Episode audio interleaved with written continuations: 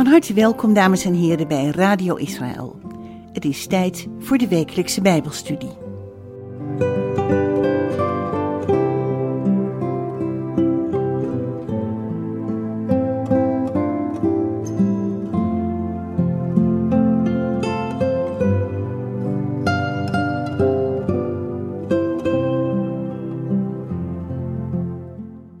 Shalom luisteraars.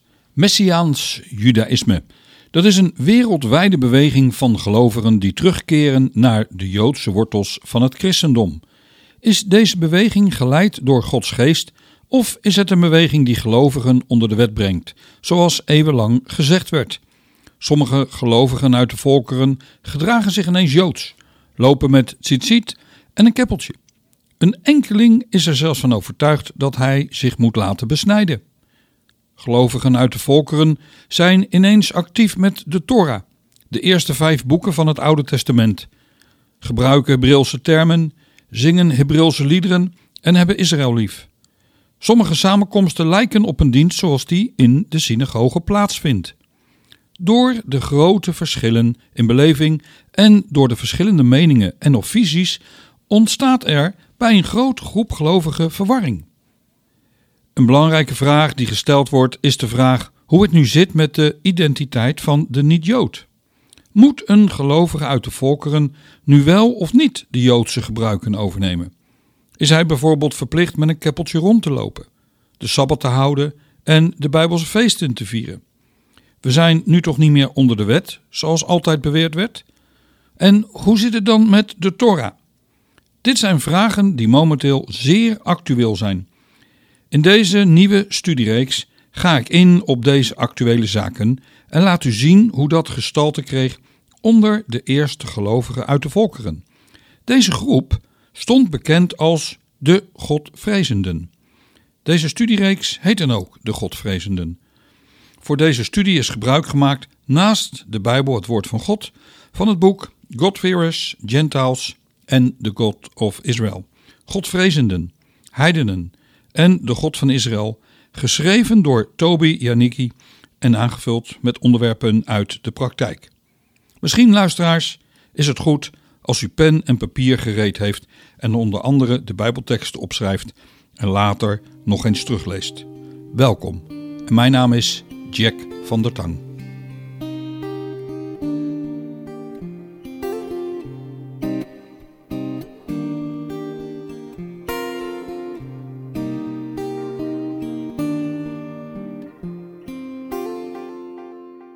Shalom luisteraars, we gaan weer verder met het onderwerp Godvrezende. We zijn alweer aangekomen bij deel 6. En we hebben afgelopen keer gezien, handelingen 15, hoe belangrijk die vier geboden waren. Veel mensen zeggen dat is het en verder niet. En daar gaan we nu naar kijken.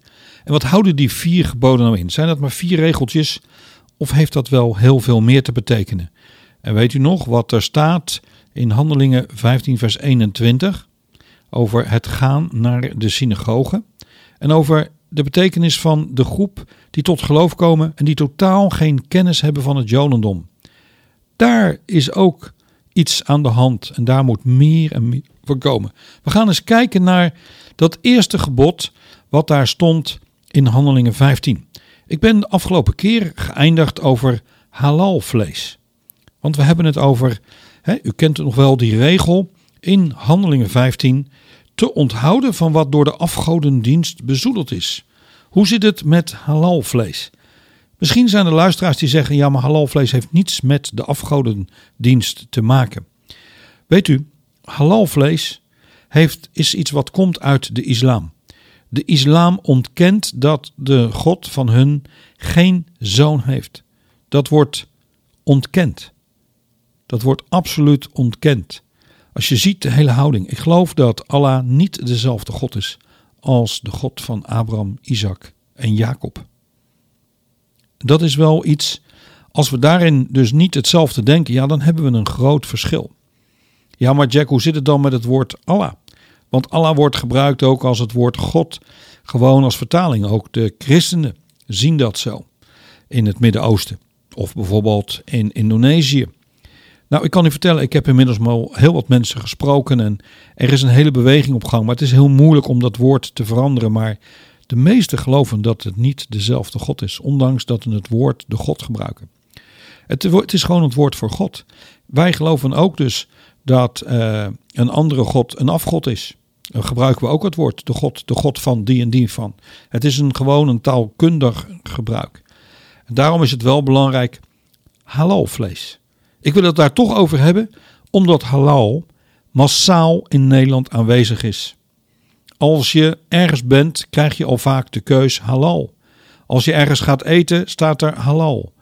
Het is zo lastig. En hoe moeten u en ik daarmee omgaan? Moeten we daarvoor weglopen? Ik denk dat dit nog nooit eerder in de geschiedenis zo actueel is geweest als in onze tijd. Dat er zo massaal in ons land vlees wat aan afgoden geofferd is, te verkrijgen is, onbewust of bewust. Nou, Jack, uh, aan afgoden geofferd is. Nou, ik ga toch eens eventjes wat met u doornemen. En ik heb daar gewoon teksten voor gebruikt, wat er staat op de website van de islam, de moslims zelf. En als u gaat, ik noemde dat verleden week ook al, halalcorrect.com. Wat betekent halal stellen, zij de vraag. Halal betekent taalkundig gezien wat toegestaan is voor moslims die de islam als religie beleiden. Volgens mij beleiden wij die niet. Hierbij draait het niet alleen om het eindproduct, maar ook, en daar komt het, om alle handelingen die voorafgaand aan de levering plaatsvinden. Halal is een voedingsleer met duidelijke voorschriften en richtlijnen waaraan moslims zich dienen te, zich dienen te houden. Daar staat moslims. Hè? Deze religieuze voorschriften met betrekking tot het voedsel zijn gebaseerd op, dan zeggen zij op één, op de Koran, het heilige boek van de moslims. Twee, en ik lees letterlijk voor, nogmaals wat er op die website staat, de Sunnah, tussen haakjes de traditie en levenswijze van de profeet Mohammed. De derde is de consensus van de moslimgemeenschap. Vier, analogie, gebaseerd op de primaire bronnen van de islam zoals uitgelegd door erkende islamitische geleerden. Wat zijn de belangrijkste kenmerken van halal slachten? Nou, de belangrijkste voorwaarden van halal slachten zijn 1. Het dier moet oorspronkelijk rein zijn. Het dier moet voldoen aan de universele en morele gezondheidswaarden. Dan tweede punt is, het dier dient humaan behandeld te worden. Tevens dient het dier in leven te zijn tijdens het slachten en dient de naam van Allah, dan zeggen zij de God, de schepper van het heelal, genoemd te worden over het dier. Het dier wordt geslacht door middel van een snee in de hals door een islamitische bekwame slachter. Ook dient het dier voldoende tijd te krijgen om uit te bloeden voordat de verwerking voort wordt gezet. Het andere is, staat er dan, het snijden moet in één haal, een slachtbeweging gebeuren. Daarbij moet de slokdarm, de keel, de luchtpijp en slachtaders in één keer gesneden worden. En vergeef mij luisteraars wat ik nu ga zeggen. En toch doe ik het. Omdat ik vind dat u werkelijk moet weten wat er met halalslachten dan wordt gezegd. Dan staat er de voorsnijder moet tijdens het snijden de basmala. Wat is dat? Dat moet hij dan uitspreken. En de, de bas, basmala en de takbier. De basmala dat is het zeggen van in de naam van Allah, de barmhartige, de genadevolle. En de takbier is dat je uitspreekt Allah is groot. En wij geloven en beleiden dat Allah niet de God van Abraham, Isaac en Jacob is. En dan wordt er dus gezegd, Bismillah, Aloha, Akbar. Dat wordt als slachtgebed opgezegd. Hij mag, dat ook staat er dan prevelen, hij mag het zacht, hoorbaar uitspreken, zodra je kan getuigen dat hij de basmala inderdaad heeft uitgesproken. Nou, ik denk, als ik dit lees en van een eigen website afhaal, en ik wil daar in latere uitzendingen, latere studies, kom ik daar nog uitgebreider op terug. Ehm, zie je dat dit vlees bijvoorbeeld voor u en mij zeer actueel, in mijn ogen vlees is ook wat opgedragen is aan een afgod. Maar er zijn ook nog hele andere landen in de wereld, gebieden waar er van alles gebeurt. En nog ineens alleen met vlees, maar met wijn, met voedsel, waar dit nog gebeurt. Nou, dat mag je dus niet eten, staat er dus in Handelingen 15. Nou, Paulus en de apostelen, die hebben het, als we het hebben over dit gebod, uitdrukkelijk bevel, zoals er staat, in de tien woorden, de tien geboden.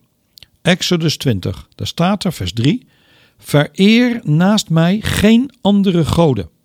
Maak geen godenbeelden, geen enkele afbeelding van iets dat in de hemel hierboven is, of van iets beneden op de aarde, of in het water onder de aarde.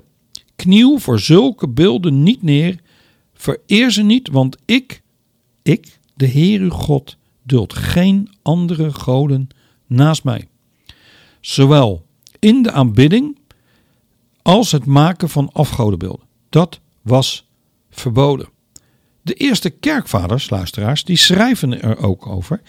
Ze zeggen dan, en we zien dat het tweede gebod van de tien woorden, de tien geboden, betekent dat dat staat voor verschillende andere geboden in de Torah. Het is duidelijk dat de Torah niet toestaat enig andere deelname in vreemde godsdienst of het overnemen van ook maar iets van heidense religies. Ik denk dat u daar toch allemaal wel met me eens over zult zijn. In Leviticus 18, vers 3 staat het volgende. Daar staat: Volg niet de levenswijze van de Egyptenaren bij wie je gewoond hebt, noch de levenswijze van de Canaanieten naar wie ik je breng. Leef niet volgens hun bepalingen, staat er dan, maar volg mijn regels. Houd je aan mijn bepalingen en leef ze na. Ik ben de Heere, jullie God. Mijn bepalingen, mijn regels schenken leven aan wie ze volgt. Houd ze dus in ere. Ik ben de Heer. 45 luisteraars, 45 van de geboden hebben exclusief te maken met het deelnemen aan Avoda Zara. Dat betekent de vreemde godsdienst. En hoe om te gaan met mensen die dat wel doen, die niet luisteren.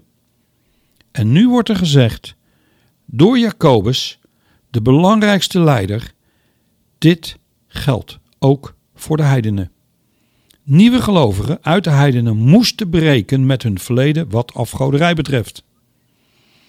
Bent u het met me eens dat de eerste regel, het eerste gebod of instructie die door de, de apostel hier genoemd worden, dat dat betekent dat allen geboden uit de Torah, wat met afgoderij te maken heeft, ook geldt voor de heidense gelovigen, voor u en mij. Ik denk dat dat een heel belangrijk vraag is en dat we dit ook echt kunnen stellen. Dat dat eerste gebod staat voor een hele serie die terug te leiden is uit de Torah. Het tweede is ook een heel interessant onderwerp. En hoe je dat moet zien. Dat is de seksuele immoraliteit. Je moet je onthouden van ontucht. Nou, ik weet niet wat bij u dan in uw gedachten komt, maar ik denk dat wat ik u nu ga vertellen voor een heel aantal mensen toch wel verrassend zal zijn. Gili Arayot. Ik hoop dat ik het goed uitspreek voor de mensen die goed in het Hebreeuws zijn, maar dat moet u me maar vergeven. Dit is niet één gebod, dit is een algemeen bevel. In de Torah zijn er 25 geboden die inhouden wat een juiste seksuele relatie inhoudt. De regel die we hier zien in Handelingen 15, die is hoogstwaarschijnlijk gebaseerd op Leviticus 18 en 20. En hier staan een overvloed van geboden ten aanzien van seksuele relaties.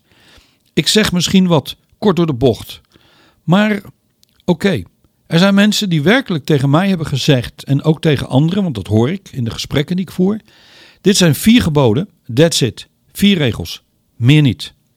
Oké, dus geen, geen ontucht, dus geen overspel. Nee, uiteraard geen overspel. En dat is het. Oké, dus het alle andere mag wel.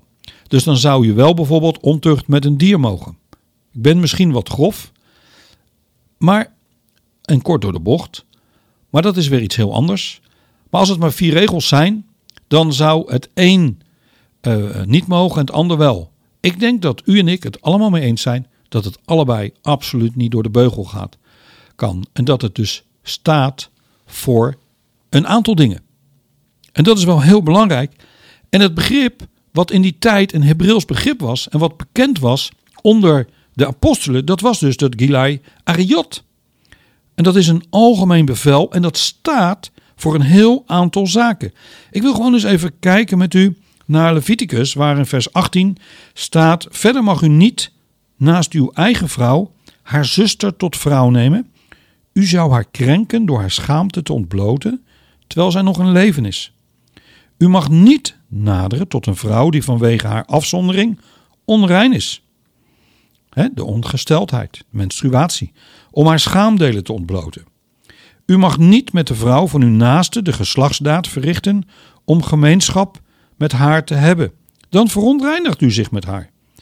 U mag niemand uit uw nageslacht overgeven om aan de moloch geofferd te worden. De naam van uw God mag u niet ontheiligen. Ik ben de Heere. U mag niet slapen met een mannelijk persoon zoals u met een vrouw slaapt. Dat is een gruwel. Ook mag u met geen enkel dier de geslachtsdaad verrichten. Dan verontreinigt u zelf daarmee. Een vrouw mag ook niet voor een beest gaan staan om ermee te paren. Het is een afschuwelijke schanddaad. Nou, als de nieuwe gelovigen dus te maken krijgen, seksuele immoraliteit is verboden, dan moeten ze natuurlijk wel weten wat verboden is. Nou, als je kijkt naar Leviticus 18 en Leviticus 20, dan zie je bestialiteit, homoseksualiteit, incest. En ik denk dat iedereen dit wel lijkt te aanvaarden. Maar wat nu? Conform een vrouw en haar maandelijkse ongesteldheid, de menstruatie. In het Hebreeuws heet dat nidda, wat betekent onreinheid. En de rabbijnen hebben hierin ook gezien dat afscheiding daarvan belangrijk was. In Leviticus 15 lezen we over hoe lang die periode duurt. In de Grieks-orthodoxe kerk is er nog steeds tot op de dag van vandaag een regel die te verklaren is vanuit dit standpunt. Namelijk dat een vrouw die ongesteld is, die mag helemaal niet meedoen met de communie. Leviticus 15 vers 19. Laten we dat eens eventjes lezen. Wanneer bij een vrouw bloed uit haar schede vloeit, duurt de periode van haar onreinheid zeven dagen. Ieder die haar gedurende die periode aanraakt, is tot de avond onrein. Alles waarop ze tijdens haar menstruatie ligt of zit, wordt onrein. Ieder die haar bed aanraakt of iets waarop ze gezeten heeft, moet zijn kleren en zichzelf met water wassen en blijft tot de avond onrein. Wie iets aanraakt dat op haar bed ligt of op een voorwerp waarop ze heeft gezeten, is tot de avond onrein. Wanneer een man gemeenschap met haar heeft, zodat hij met haar bloed in aanraking komt, blijft hij zeven dagen onrein. Alles waarop hij ligt wordt ook onrein. Wanneer een vrouw langer ongesteld is dan normaal of bloed verliest terwijl ze niet ongesteld is, is ze onrein zolang ze bloed verliest, net zoals ze onrein is tijdens haar menstruatie. Alles waar ze tijdens haar bloedverlies op ligt of zit, wordt onrein, net als tijdens haar menstruatie. En als je dan kijkt in vers 6 eh, van hoofdstuk 18: Niemand mag tot welke bloedverwant van zijn eigen familie dan ook nadenken, naderen om de schaamdelen te ontbloten. Ik ben de Heer. Dat staat in de herziene statenvertaling, maar in de NBV staat: Niemand van jullie mag de eer van een bloedverwant aantasten. Ik ben de Heer. Mijn vraag aan u is: als wij daar nooit over nadenken, en ik moet u vertellen dat ik ook iemand ben die daar eigenlijk nooit echt over nagedacht heeft. Maar waarom staat er dan zo uitgebreid opgeschreven in de schrift? Waarom is dit zo belangrijk voor God dat dit zo in details als het ware wordt opgeschreven? Het is tot op de dag van vandaag een onderwerp wat nog steeds belangrijk is in Israël. U weet misschien als luisteraars, en misschien niet iedereen, dat wij een jaar geleden een gift hebben gehad van bijna 9000 matrassen. En heel veel zijn naar Israël gegaan. Maar we hadden ook een aantal tweepersoonsmatrassen. Maar de tweepersoonsmatrassen mochten absoluut niet naar Israël. Want die konden ze niet kwijt. Want daar is het over het algemeen gebruikelijk, en ik geloof echt niet dat iedereen dat zo doet in Israël, want er zijn nog velen die zonder de Torah leven. Maar als een vrouw ongesteld is, dan mag de man niet in hetzelfde bed en worden de bedden uit elkaar getrokken. Dat is afzondering. De Samaritanen hebben tot op de dag van vandaag zo dat een vrouw die ongesteld is, zit zeven dagen apart en zit niet bij de familie. Nou zult u zeggen, nou dat vind ik nogal lekker zeg, wat een gedoe. Maar die vrouw, die vinden dat heerlijk. Waarom? Ze worden namelijk echt als koninginnen verwend door haar man. Die brengt haar van alles, die doet van alles. En dat is echt toch wel, als het ware, misschien wel een feest voor een vrouw om op die manier daarin beloond te worden. Dus het is geen straf. Je ziet niet als negatief. Maar dat hoort er wel bij. Ja, werd er aan mij pas gevraagd toen ik daar een keer over sprak. Wat doe ik nou met mijn tweepersoonsbed? En iemand maakt het grapje, ja, snijd maar kapot. Ja, ik vind het moeilijk. Ik zeg het u heel eerlijk. Ik vind het heel lastig hoe je daarmee om moet gaan. Ik heb ook een tweepersoonsmatras. En uh, het is wel iets waar ik zelf ook nog niet helemaal uit mee ben. Maar dit hoort wel bij die ontucht. Zoals dat in het Hebreeuws gezegd wordt, dat, dat is een overview. Dat is een totaal aan regels. Maar doordat wij geen kennis hebben van hoe in die tijd gedacht werd, hoe er nu nog steeds gedacht wordt en waarvoor het staat als dat woord gebruikt wordt in het Hebreeuws, dat komt omdat de kerk ons daar nooit onderwezen over heeft. Maar nog steeds blijkt dus, in, bijvoorbeeld in die orthodoxe kerk waar ik het net over had, dat de vrouw die ongesteld is, mag niet aan de communie deelnemen. Dat heeft met deze regel te maken. Naaktheid, dat is het woord erva. Uh, maar dat heeft ook met immoreel gedrag. Dat houdt veel meer in dan alleen maar naaktheid. Het betekent volgens de oudere bijnen dat je gedrag met je familieleden dat al laat zien. Denk bijvoorbeeld aan een lichamelijke aanraking tussen man en vrouw die geen relatie hebben of geen familie zijn. Of een ongesteld, ja, ongetrouwd stel wat samen in een kamer zou zijn zonder dat anderen erbij zouden zijn. Maar het heeft ook te maken met de manier waarop je je kleedt, zodat een ander geen verkeerde gedachten krijgt. En wat denkt u van Deuteronomie 5? Er staat dat je niet mag begeren de vrouw van je naaste. 1 Thessalonicense 5, vers 22 zegt: Onthoud u van elke vorm van alle kwaad, van kwaad. Al deze zaken vallen onder het begrip seksuele reinheid. Ja, het is echt waar, maar dat betekent het echt. Het hoort ook bij het onderwerp het huwelijk. Op de juiste wijze gesloten huwelijk. Deuteronomie 24 staat wanneer een man een vrouw genomen heeft en met haar getrouwd is. Dat betekent dat volgens de rabbijnen dat men eerst in ondertrouw verloofd is geweest en dan een bruiloft volgens de Torah heeft gehad. Dat is wel lastig, want in een tijd als onze, waarin de kerken vol zitten met jonge stellen die samenwonen, misschien wel uw kinderen, toch is de Bijbel heel duidelijk daarover dat dat niet kan.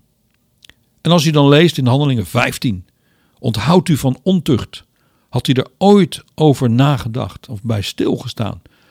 Wat dat woord, dat begrip, waar dat allemaal voor stond? Ik niet. Ik weet niet hoe het bij u is. En waarom is het zo belangrijk dat we spreken over onjuiste seksuele relaties? Waarom is dat zo belangrijk? Dat is eigenlijk heel mooi, want dat betekent dat er dus ook juiste relaties zijn. Op de juiste manier seksuele relaties. Paulus, en als je de brieven leest in het Nieuwe Testament van Paulus, die verwijst best wel wat keertjes ook in zijn brieven naar het huwelijk. Maar de Torah heeft het over het overspel, over vrije omgang, prostitutie, seksuele relaties buiten het huwelijk. Denkt u dat de Heere God ook niet weet hoe het zit met de man en de vrouw en de seksuele lusten? Over wat er allemaal wel niet kan gebeuren? En wist hij allemaal niet in zijn wijsheid wat er allemaal zou gaan gebeuren? Daarom is het zo belangrijk om voor dit onderwerp niet weg te lopen. En niet te denken, en niet te denken dat wij beter zijn.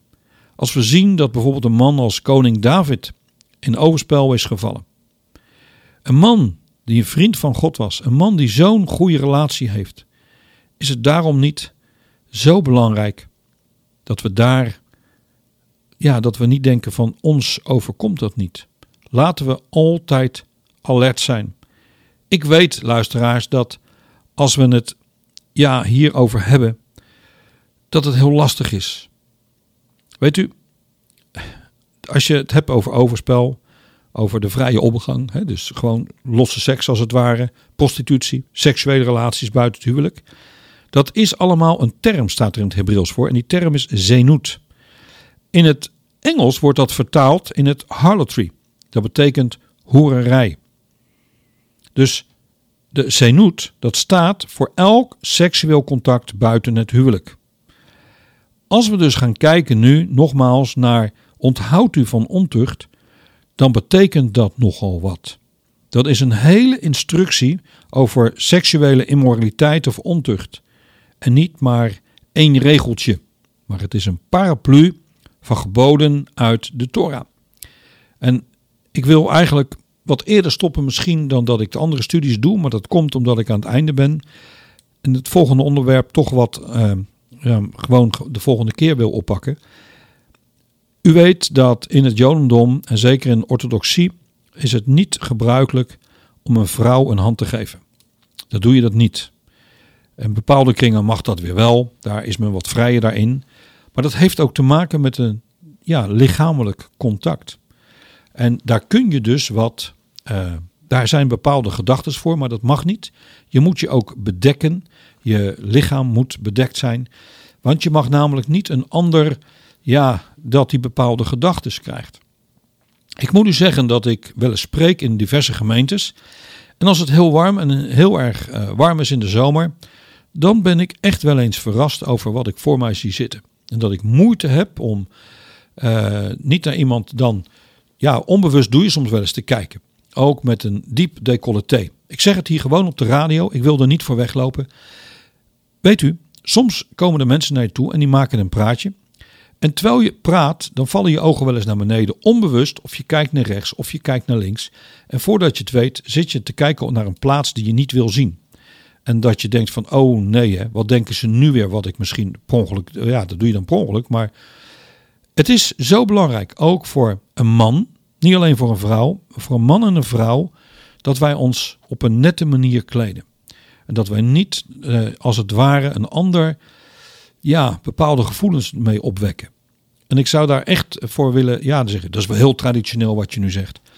Maar dat heeft ook alles te maken en is terug te leiden tot geen ontucht. Daar heeft er alles mee te maken. Mensen, wij moeten meer en meer luisteren en leren over, over dit onderwerp. Dit is zo rijk wat hier staat. Het is niet één regeltje. Het houdt heel veel in. Het is een wijze, het is een manier van leven.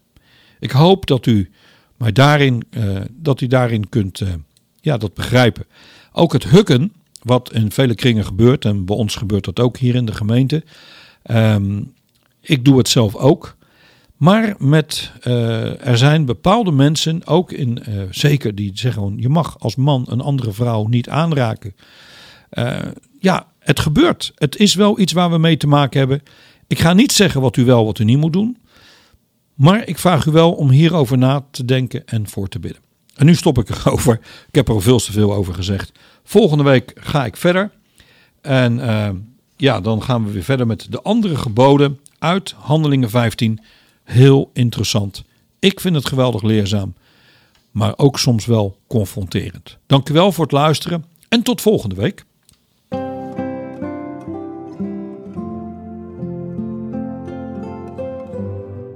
U hebt geluisterd naar de wekelijkse Bijbelstudie op Radio Israël.